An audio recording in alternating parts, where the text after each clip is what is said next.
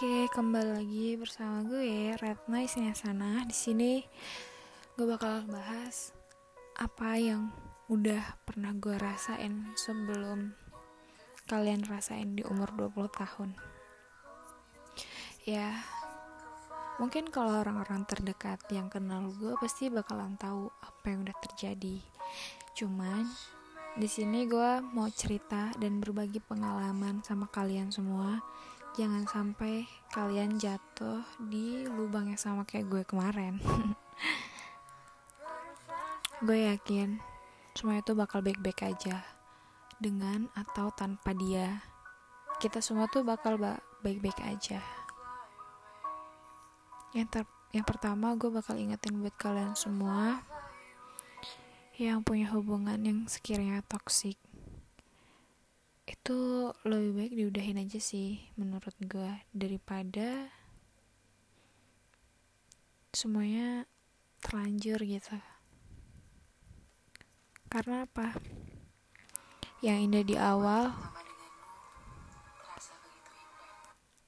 belum tentu indah di akhir juga kayak yang gue rasain sebelumnya.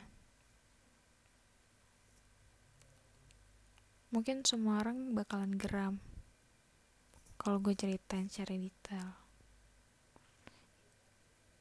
Ya yang pada intinya gue terjebak di salah satu circle yang emang seharusnya tuh udah gue udah hindari dulu tapi gue nggak pernah dengar dan sampai di mana gue ke jenjang yang lebih serius.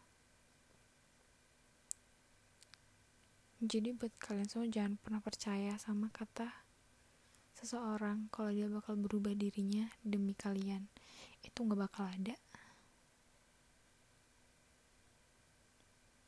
Karena ya emang kayak gitu tuh nggak bakal ada. Dan gue pesan buat kalian semua para wanita hati-hati sama lawan jenis kalian. Karena mereka itu punya kekuatan buat menyakiti kita lebih dari apa yang kita kira. Entah itu secara fisik ataupun secara mental. Mending dijauhin aja deh kalau emang udah pernah nyakitin secara mental